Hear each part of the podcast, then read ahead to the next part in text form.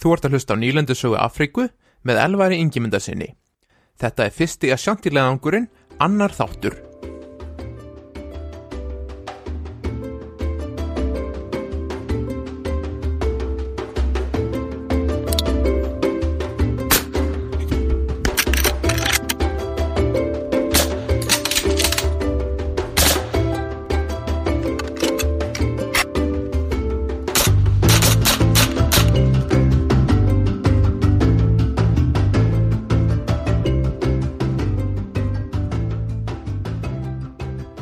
Síðasta þætti töluðum við um atbyrrásina sem leiti til þess að breska heimsveldið ákvaða að senda herrleðangur til guldstrandarinnar 1873. Við töluðum með fyrstu orustunnar mellir breska heimsveldisens og bandamanna þess við Ashanti konungsríkið og bandamenn þess. Í þessum þætti munum við tala um komu árásasveitarinnar frá Breitlandi og sókn breyta frá guldstrandinni og til Kumasi höfuborgar Ashanti konungsríkisins. Undir stjórn Vúlsli hersöðingja sem vonaðist til þess að sigur breyta yfir að sjanti hernum og fall höfuborgarinnar myndi neyða að sjanti menn til að gefast upp og ganga að kröfum breska heimsveldisins. Meðan vinnuflokkar undir stjórn breska verkfræðinga byggðu veg frá höfðastrandakastala til praánar voru þrjú herfylki að gera sig klár til að sigla frá Breitlandi til guldstrandarinnar. Herfylgi þessi komu frá Riffil-stórfylginu sem áður hafði verið kallað 1905. Riffil-hersveitin og gert garðinn frægan í Portugal og Spáni í baráttunni gegn Napoleoni snemma á 19. öld og frá 40. og annari Hálanda hersveitinni og úr konunglegu velsku Riffil-sveitinni. Herfylgin fóru nú um borði gufuskip og komu til guldstrandarinnar í desember 1873. En þegar þar komandi gullstandarinnar var vegurinn til praánar ekki tilbúin og Volsli bað því skipstjórana á skipunum um að sigla aftur með hermennina út á haf og koma ekki aftur á landi fyrir í janúar. Þar sem hann ótaðist að um leið og bresku hermenni stígu fæti í Afríku myndu hitabelti sjúkdómar byrja að herja á þá. Eftir nokkra vikna skemmtisiglingu um Gínauflóa komu herskipin aftur á landi og bresku hermöðnir komu nú á land í byrjun januar 1874. Á þessum tíma var einn venjulegi enginnisbúningur bresk hermans þykkur rauður ullafrækki og þykkar svartar ullarbuksur, en slíkur fatnaður var allt og hlýr fyrir aðstæður í Afríku. Hermöðnir fengu því nú nýja enginnisbúninga úr gráu tvít og þeir höfðu því gráak tvítjakka og gráar tvítbuksur sem önduðu mun betur en gömlu einkennisbúningarnir og vöktu því mikla gleðið þegar hermennir fengu þá fyrst. Vegna þess að hver byrðastöð á veginum til Pránar hafi verið byggð til að hýsa 350 hermenn og 50 manna setulið en hvert herfylki hafi 700 hermenn var hverju herfylki nú skipt í tvö holl. Á hverjum degi fór eitt holl í land og marsiraði að fyrstu byrðastöðinni. Dæin eftir fór sér næsta holl í land og marseraða sumu byrðastöð þar sem hitt hollið hafið haldið áfram upp veginn. Á þennan hátt voru aldrei meir en 400 hermenn í hverri herstöð hverju sinni. Við Prasjúanna hafið síðan verið byggð stór herstöð sem var náðu stór til að hýsa 2100 Evrópumenn og um 1000 afríska hermenn. Þar var árásasveitinni sapnað saman áður en haldið var inn í að sjantíland. Þann 13. januar voru öll herfylgin komin til Prasjú annar og Volsli taldi nú allt klárt til að gera innrás inn í Ashanti konusríkið. Áallin Volsli var að gera innrás í Ashantiland 15. januar 1874. Innrásinn yrði gerð á fjórum mismunandi stöðum. Glóver höfusmaður átt að gera árás á austurhutta výlinunar, næri Assum, með sveit hásalaurugljumanna og nýlendulauruglunni og í að rúpamenn sem hann hafði ráðið í nýlendulaurugluna á leiðsynni að landamærum að Sjantilands. Fyrir vestan hann myndi Böllur höfusmaður leiða hersveitir fantímanna yfir Prasjú ána við Akím. Megin árásasveitin undir stjórn volsli hersöðingja myndi síðan gera innrás inn í að Sjantiland fyrir vestan Böllur höfusmann og halda upp megin vegin frá Prasjú til Kumasi. Megin árásafylkingin samanstóð af herrfylgjónum þremur úr riffilstórfylginu, 40. annari hálandahersveitinni og velsku riffilhersveitinni. Í megin árásasveitinni var líka stórfylgi úr breska flótanum sem samastóð af landgönguliðum og sjóliðum frá breskum herskipum sem hefði verið settir á land til að taka þátt í innrásinni.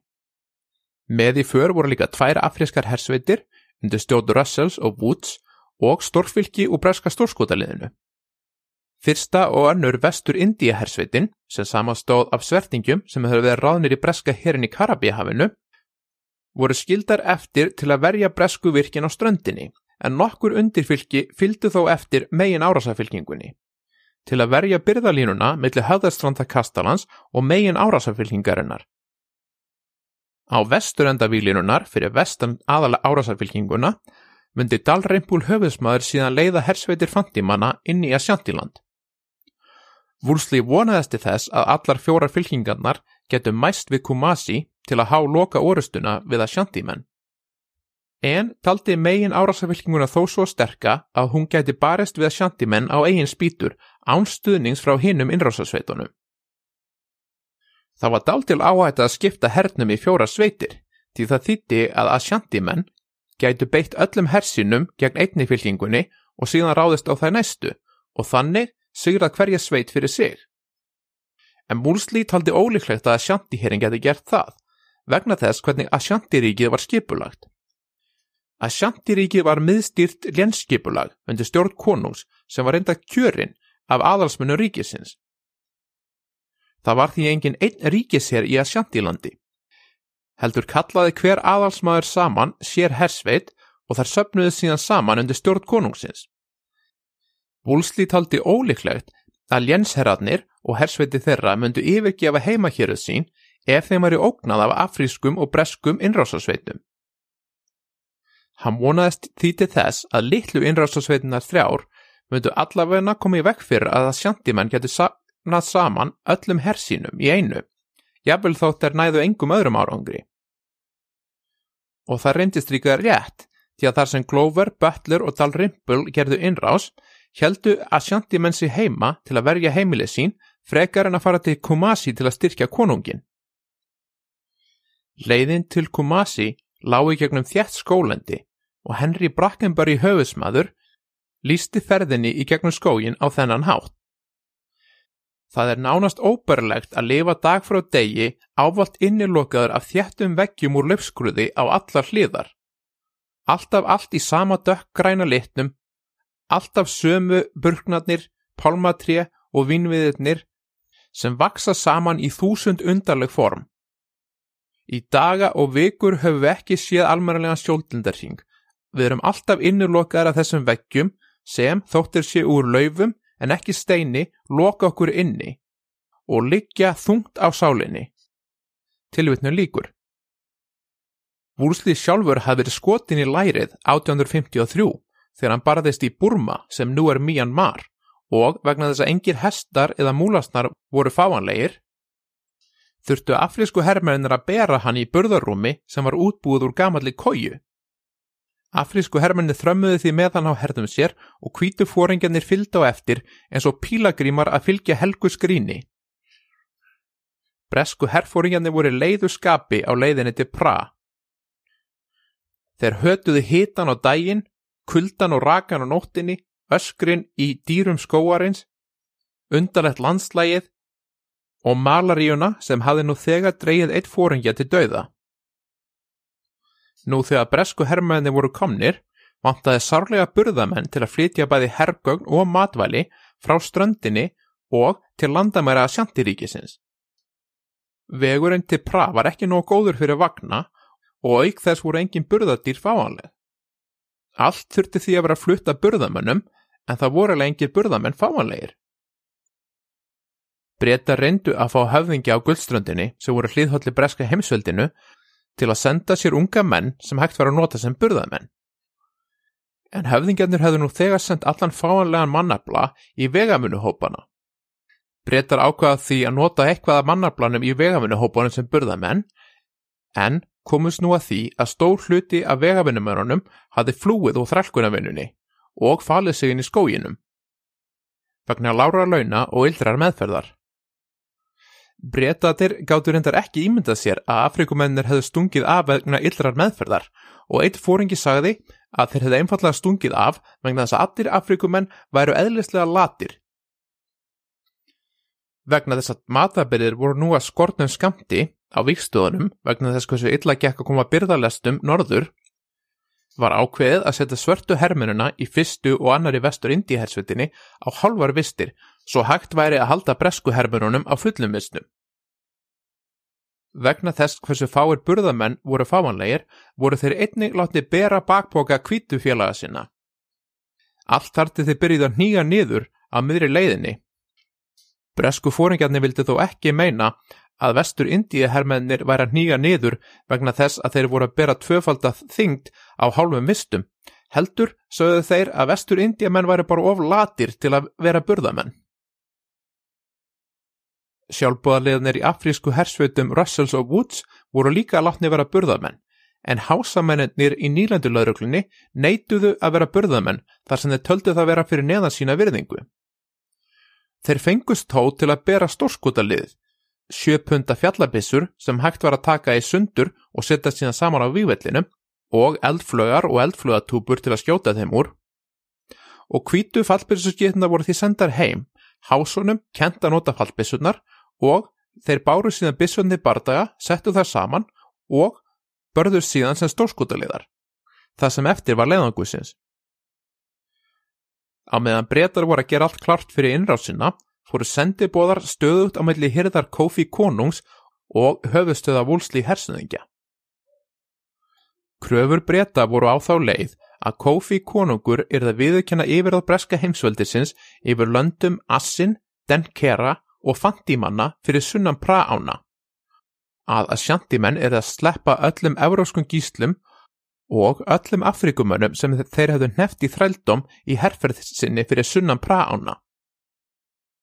Að lokum þyrtu þeir að borga 50.000 únsur af gullriki í skadabætur til breyta en 50.000 únsur eru um það byrj 1,4 tonn og því varum talsverð gull að ræða.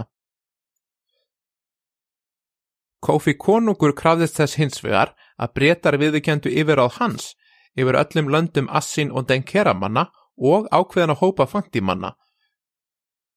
Eftir gerðu það lofaði hann að sleppa öllum gíslum og hætta öllum hernaði fyrir sunnan praána. Kvorki Kofi nefn Wúlsli voru tilbúinir til að gefa mikið eftir í samningaviðraðunum. Það hjálpaði ekki að Kvorki Kofi konungur nefn Wúlsli hersöðingi hefði í raun heimil til að breyta kröfuð sínu.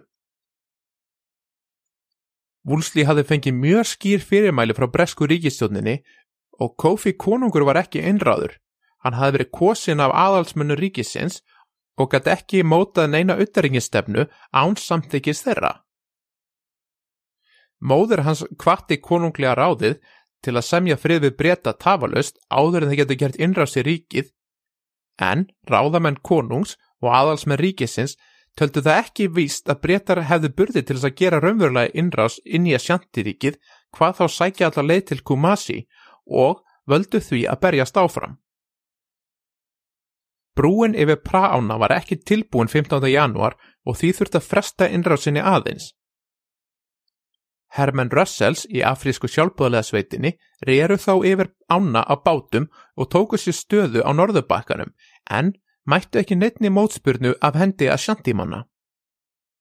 Dægin eftir fór konunglega verkfræðisveitin og vegavinnuhópanir yfir ána og byrjuðu að höggva veg í gegnum skógin í áttina til Kumasi. Það er gaman að geta þess að slóðin sem þeir hjöggu er nú malbyggaður þjóðvegur milli Kumasi og höfðarþándakastala. Næstir yfir ána voru könnunarleðar hersins sem voru hásamenn undir stjórn Edri Gifford sem setna átti eftir að vera formaður Breska Suður Afrikufélagsins. Þeir heldu nú inn í skógin og reyndu að læðast að öllum þorpum sem þeir komu auga á, umgringja þau og ef þeir sáu herrmennin í þorpunum hófu þeir skotrið og riðu síðan á þorpið. Þegar þorpunu var náð kom yfirleitt liðsauki frá að sjantímönnum umkringdi þorpið og hóð síðan skotið á hásamennina. og skærur geysuðu því melli könnunarliðana og að sjantímanna frá þorpi til þorps. Joseph Hammond Thomas, sem var hermaður í Riffilstórfylginu, hjælt dagbókum reynslu sína af að sjantileðangrunum. Hann og félagar hans komu að praáni 18. janúar þegar verið var að leggja loka hönd að brunna. Þeir hefðu enn ekki séð tangunni tétur af að sjantimönnum, en reiknuðu með að rekast á þá þegar þeir varu komnir yfir 75 metra breiða ána. Vegna þess hversu fáir burðamenn voru fáanleir hafði byrðastjóri Riffilstórfylgisins tekið á það ráð að ráða konur úr þorpum á ströndinni sem burðamenn. Og Jósef skrifaði að án aðstöðar þeirra hefðu þeir aldrei komist frá ströndinni til praánar en hver kona bara á höfði sér 30 kílóa sekk og fluttu þær þannig skotfæri, tjöld og matarbyrðir herfylgisins. Þegar Jósef og félagar hans komu til praánar fengu þeir loksis útlutað píputóbæki sem þeir voru fegnir að fá vegna þess að reykurinn frá pípunum var það eina sem fældi í burtu bitmíð á svæðinu. Á hverju morgni voru þeir látni drekka mikstúru sem var úr rommi, sítrónusafa og kíninni sem átt að venda þá fyrir hitabeltisútumum. Eftir það fengu þeir morgumat og kakó. Eftir morgumat þrömmuðu þeir síðan á stað og hver maður bar bakboka, vassflösku, skotfærabelti með 70 skotum og snætterifill. Megin fylkingir fór yfir Praána 20. janúar og fylgdi nú eftir tveggjamöndra breyðin veginum sem verkfræðisveitin hafði hoggið í gegnum skógin. Fyrsti áfangin voru að dansihæðirnar sem eru nú einnig þekkta sem kvísa eða mónsihæðirnar og eru nefndar eftir fyrsta Akanríkinu á þessu svæði sem að kallaða dansi. En að sjantimenn, eins og svo margir aðra þjóðir á svæðinu, eru afkomendur að kanmanna. Að dansi hæðirnar venda Kumasi frá suðri og fyrsta markmið breyta var að ná þeim á sitt vald og koma fyrir virki til að verja leiðina til Kumasi.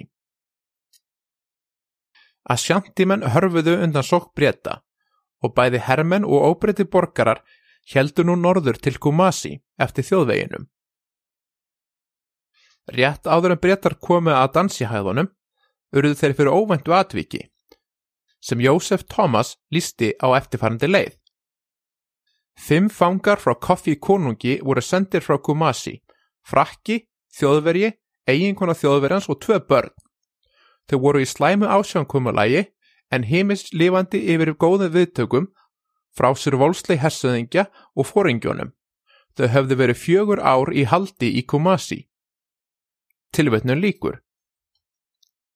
Það má geta þess að bresku herrmennir kölluðu Kofi konung aldrei Kofi, heldur kölluðu hann alltaf King Coffee eða kaffikonungin í brefum sínum frá vikstöðunum.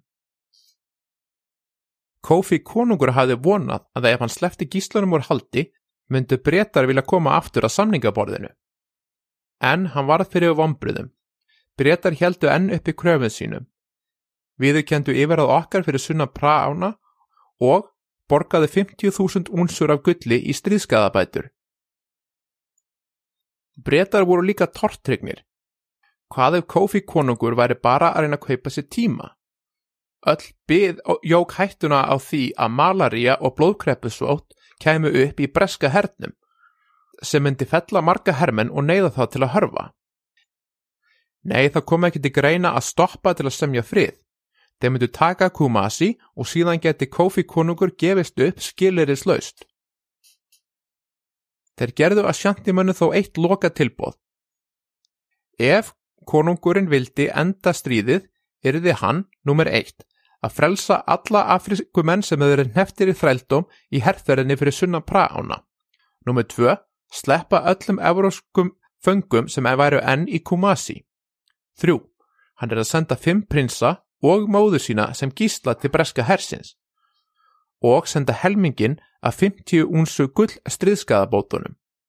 Ef hann gerði þetta, myndi Wolseley koma til Kumasi með 500 hermenn.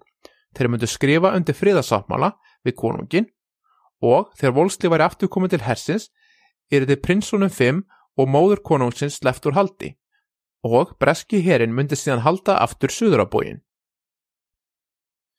sama tíma og meginfylkingin kom að að dansihæðunum, frétti að sjantihyrðin af innrás Glóvers, Böttles og Dilrimpul. Hersfeit frá Djúabinn sem hefði verið á leið til Kumasi var snúið við tafalaust og senda móti Glóverhauðismanni og hersveit frá Kokofu snýri við og hjælt að móti Böttler og afrísku bandamönnum hans. Spá vúlsli um það að innrás á mörgum stöðum myndi sundra sjantihernum var því að rætast. Fyrsta stóra orustan millir árásafylkingarinnar á leiðinni til Kumasi og að sjantimanna var 31. januar 1874. Að sjantimenn höfðu komið sterkri varnalínu nálagt þorpinu Ekinatsi og lokað veginum til Kumasi. Könnuralið Giffords hafði komið auga á varnalínuna og síðan hörfað. Allir herrmennir í megin árásarfylkingunni fengu nú auka skotfærabyrðir og pilsur og ost til að borða yfir daginn. Þeir marsuruðu síðan upp þjóðvegin þannig að þið voru komni nálat varnalínu að sjantimanna. Þeir marsuruðu þá frá veginum og mynduðu stóran fyrirutning með fallbissutnar og eldflugarnar fremst að móti að sjantimönnum. 40. annur hálandahersuttin myndaði norðurlið fyrirutningsins beint að móti að sjantimönnum. Vestur og austurliðarnar voru samsettar úr afrísku hersveitunum undir stjótu Russells og Woods og stórfylgisins og flótanum og söðurliðin var mannuð af riffilstórfylginu. Konunglega riffilsveitin frá Wales kom sér fyrir í miðjuferðningsins tilbúin að styðja hverja þá hlið sem yrði fyrir árás. Undirfylgið úr annari vestur India hersveitinni var skilið eftir í byrðastöðinni fyrir sunnan vývöllin ef að sjantimenn skildu reyna að fara fram hjá fyrirningunum og ráðast á byrðalínu hersins. Könnunarliðar Giffords fór í litlum hópum fyrir fram að fylkinguna til að reyna að koma í veg fyrir að að sjantimenn getur mynda fyrirsátt. Könnunarliðarnir komu til Eginassi klukkan 8. morgunni og þar sem Giffords síndist einungis vera lítil hersveit til að verja þorpið gerði hann árás með könnunarliðin sínum og þeir herrtóku þorpið. Eftir að breytar tóku þorpið áttuðu þeir sig á því að megin varnarlína að sjantimanna var í raun fyrir norðan þorpið. Fyrir norðan þorpið var hæðarryggur eða kampur sem lág í hálf ring utan um dæld í landinu. Vegurinn lág niður í dældina sem var fúl mýri og síðan upp kampin í áttina til Kumasi. Að sjantimenn höfðu komið upp herbúðum uppi á miðjum kampinum og hermenn þeirra vörðu nú hæðarrygin, þaðan sem þeir gáttu skotið niður í dældina. Þrátt fyrir það hversu sterk varnalina að sjantimanna var, ákváðu breytar að gera árás beint á hana. Fertugust og önnur hálandahersveitin hóf sók sína hálf nýju um morgunin, en um leiða þau komið niður í dældina voru þau gjössanlega berskjaldaði fyrir skotriða sjantimanna. Breskur fóringi lísti árásinni. Við urðum fyrir skotrið og öllum áttum en gátum ekki komið auga á óvinnin. Hvert undirfylgið á eftir öðru marsiraði niður í dældina undir sekjapípuleik en um leiða þau komið niður hurfið þurru auksín vegna þess hversu skóurinn var þjættur. Við gátum einungis reynda átt okkur á því hver menninni voru með því að hlusta eftir skotrið úr snæteriflum sem hljóma allt öðruvísi heldur en framhlanningar að sjantímanna. Tilvötnum líkur.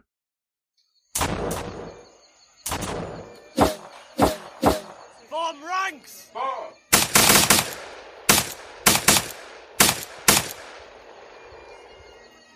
Eftir um klukkustundar skotbardaga voru hálendingandir enþá fastir í mýrinni. Littir hópar að sjantimanna höfðu komið niður af kampinum og farið inn í skógin og hófunu skotrið á hálendingana frá hlið. Þeir einu sem komist nokkuð áfram voru Russell og Afrikumennir í hersveit hans sem á samt nokkrum verkfræðingum og konunglu verkfræðingahersveitinni hjuggu sér leiði genið skógin vinstra með við hálendingana. Allt þar til að þeir komu að hæð sem stóð örlíti harra en kampurinn þar sem að sjantimenn höfðu komið sér fyrir. Russell og menn hans festu nú byssustinga á rifla sína og gerðu síðan áhlaup á hæðina og ráku að sjantimenn í burtu. Hásamennir sem voru með Russell komur nú með eldflugatúpunar og komur þeir fyrir upp á hæðinni og byrjuðu að skjóta eldflugum á kampin þar sem að sjantimenn höfðu komið sér fyrir. Um klukkan hálf tíu um morgunin komu Wursley og Riffilstórfylkið til Eki Nazi. Þorpunu hafði nú verið breytt í sjúkrastöð, þar sem fjöldi særra hálendinga hafði verið fluttur í þorpið. Konunglegu velsku Riffilsveitinni var nú skipað að halda niður í dældina og styðja við hálendingana. Um kortir yfir tíu, þegar Wolseley áttaði sig á því að einungis Russell hefði náða brjótast í gegnum výlinur að sjandimanna, sendi hann mennina á Riffilstólfyrkinu til að styðja við Russell og til að ráðast á vesturvæng að sjantili výlinunar. Sprengjukúlu stórskóðaliðsins allir miklum usla meðal að sjandimanna og hálendingar gerðu nú áhlaup upp hæðina.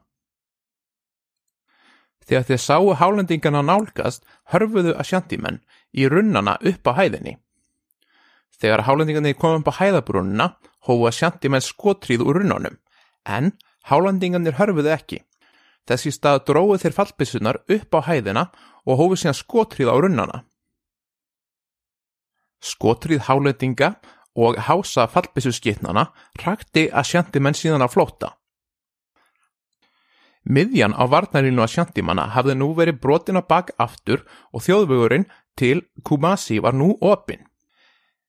En vinstri og hægri fylkingar að sjandimanna höfðu mist samband við miðjufylkinguna vegna þess hversu erfitt var að koma skilabóðum í gegnum þjætt skólendið í miðju orustunar og vissu ekkert af því að breytara hefðu brotist í gegn heldur heldu áfram sóksinni gegn breytum og reyndu meiri sig að gera gagnarás og ná Akinassi aftur á sitt vald.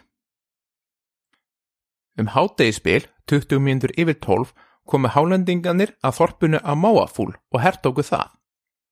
Það að hertaka að Máafúl hafði verið markmið dagsins og þar sem hálendinganir hafði mist samband við hersveitir Woods og Russells sem átt að vera vinstra á hægra með við þá, ákvaðu þeir að stöðva sók sína.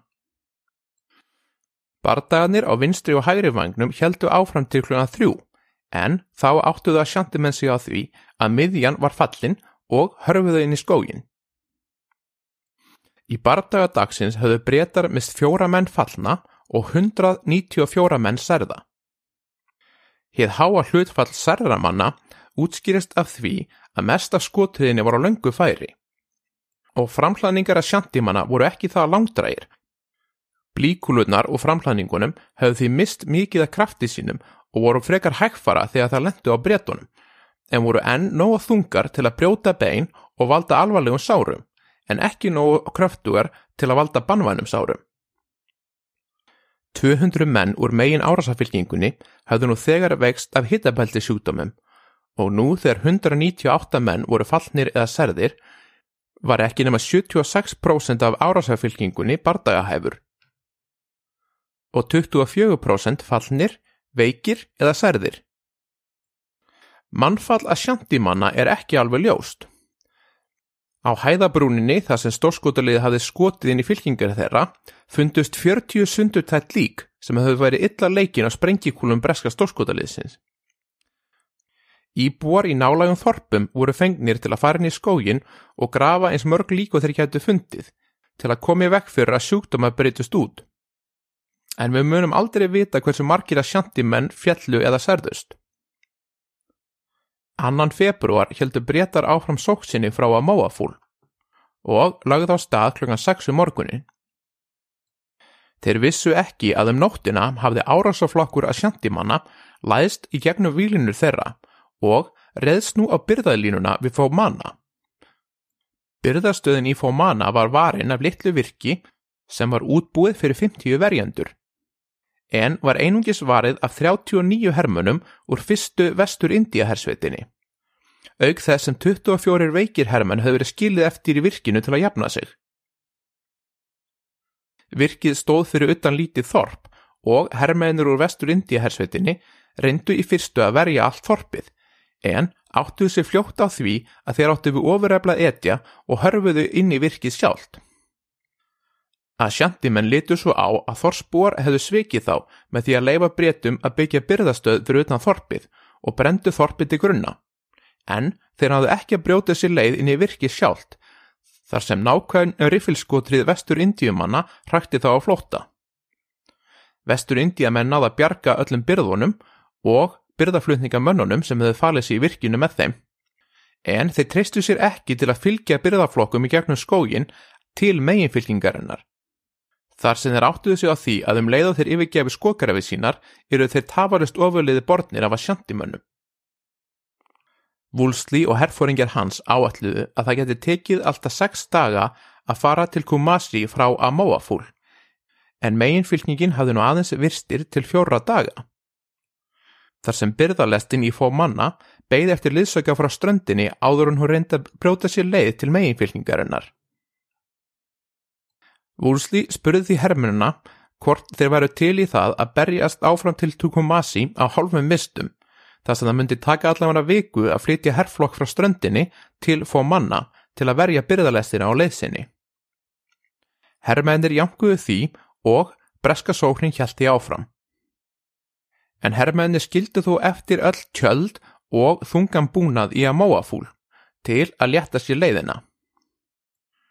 3. februar mætti meginfylkingin annari výlunu að sjantimanna, en þessi hafði verið verð undirbúin heldur en svo fyrri og var berskjöldu fyrir stórskoterið breyta. Eftir að breytar brutu sér leiði gegnum þessa výlinu fengu þeir skilaboð frá Kofi konungi. Kofi hótaði því að hann myndi taka alla euróska gísla af lífi ef Wúlsli stöðvaði ekki tafalös sóknuna til Kumasi. Wúlsli sendi skilaboð tilbaka að ef Kofi sendi frænda sinn og móður sína sem gísla til breyta, myndu þeir stoppa sók sína og semja frið við hann. Það sem hann átti ekki vona svari í bráð, helt hann sók sinni áfram til kvöldsins. Um nóttina helli ringdi og herrmennir bölfuðu því nú að hafa skilit tjöldin eftir í að móafúl.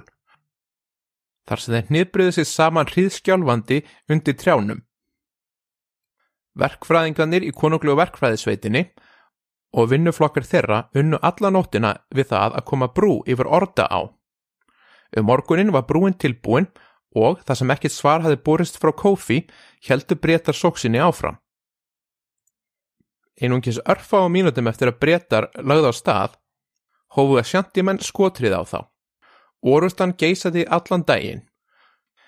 Í hvert sinn sem riffilskittur að sjantimanna hófu skotrið að breyta voru fallbissuna dregna fram og skutu sprengjukúlum inn í skógin þar til skotriðin sljákaði.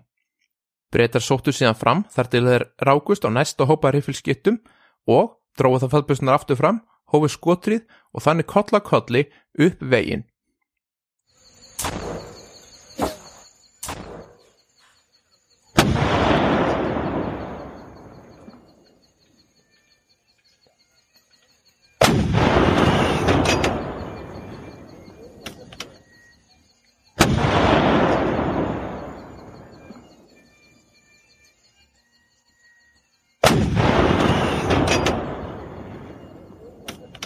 Á einum stað lág vegurinn í gegnum skógin í bugðu og þegar ein hersveit hafi farið fyrir bugðuna hóf hún skotrið niður veginn þar sem herrmennir áttuðu sig ekki á því að hljóðið sem þeir herðu var næsta hersveit að koma upp veginn. Sem betur fyrr köstuðu mennir í hinni hersveitinni sín niður og skotriðin flög fyrir ofan þá og enginn meittist. Þegar höfusmaður hersveitarinnar komst að því hverðu uppala hafið skotrið á hinna hersveitina tók hann riffilin af honum og skipaði honum að bera regli höfuðsmannsins sem vopn það sem eftir væri dagsins, það sem augljóslega væri ekki eftir trestónum fyrir rifli. Um hádegi spilið brutust hálendinganir í gegnum síðustu varnalínu að sjandimanna og riffilstórfylgið var nú sendin í skógin til að reka flóttan.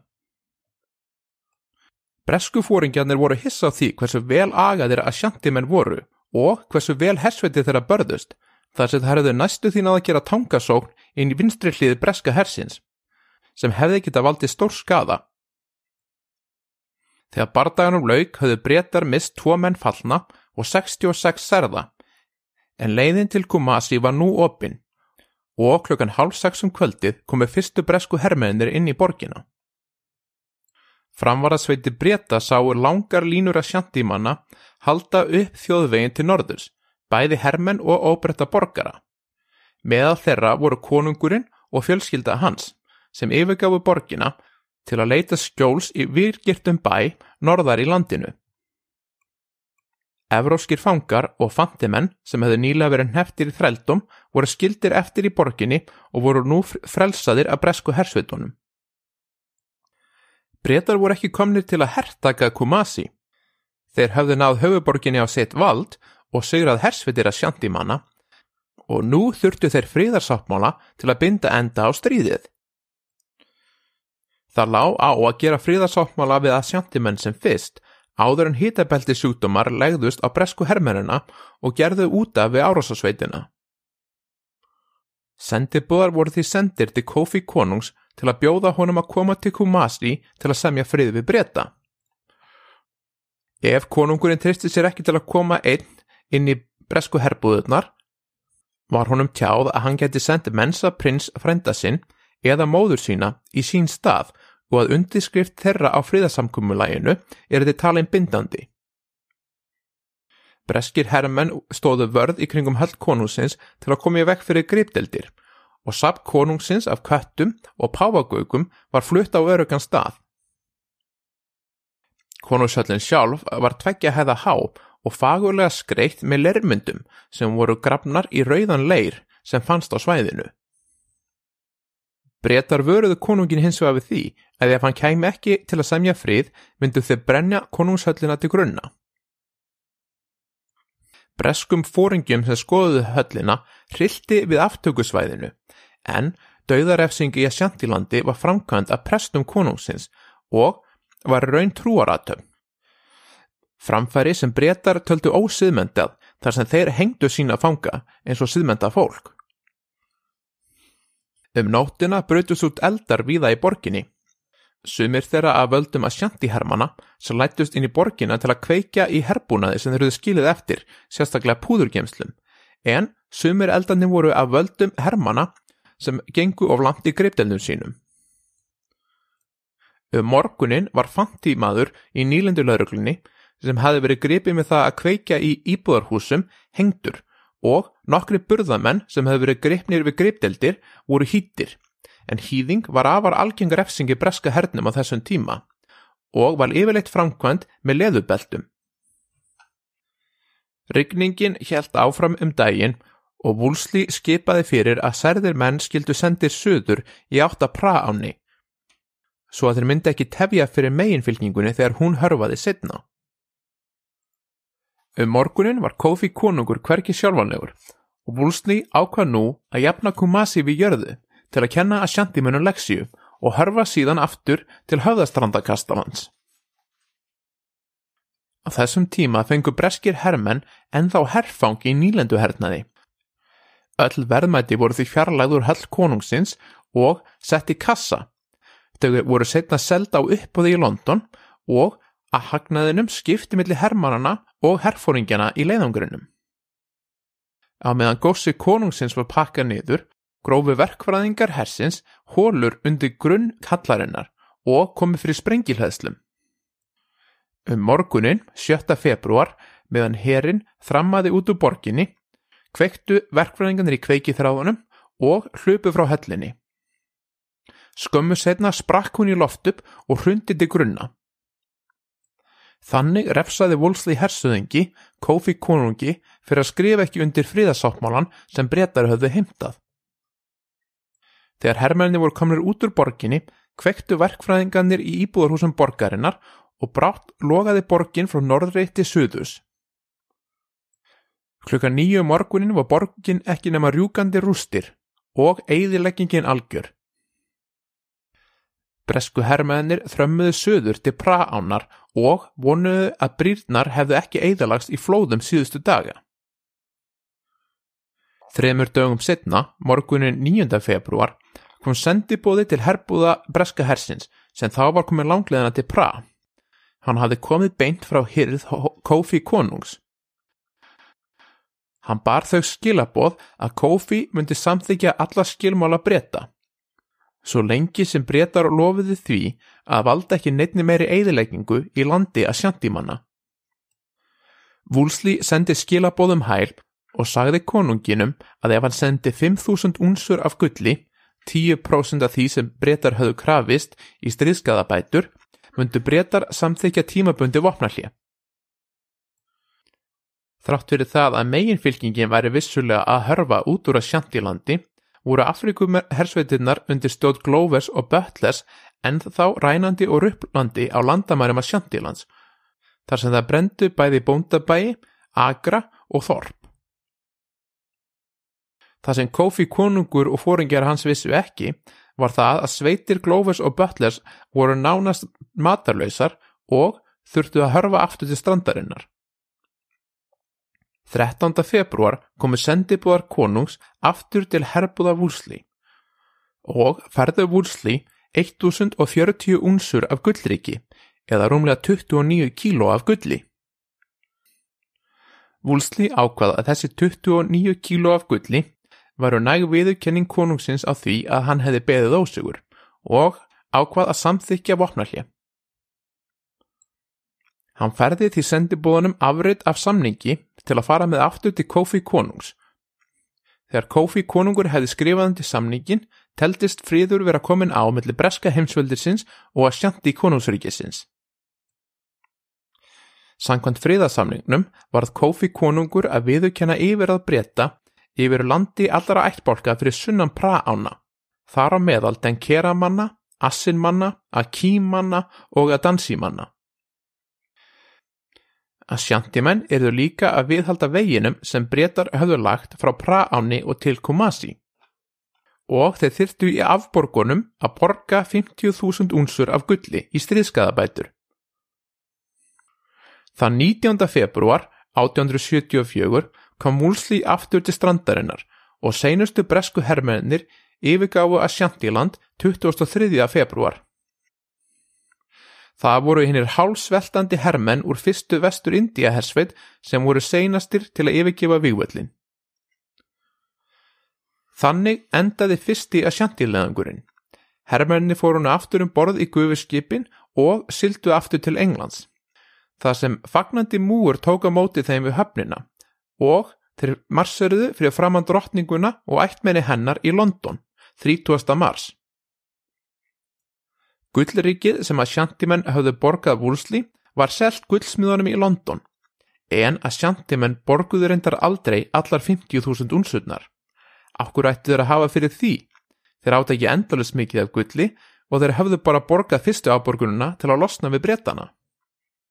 Þar sem þeir borguðu var ekki nándarnari nóg til að fjármagna allan herliðangurinn. Breski skattborgarar þurftu að borga um eina miljón punta til að fjármagna leðangurinn.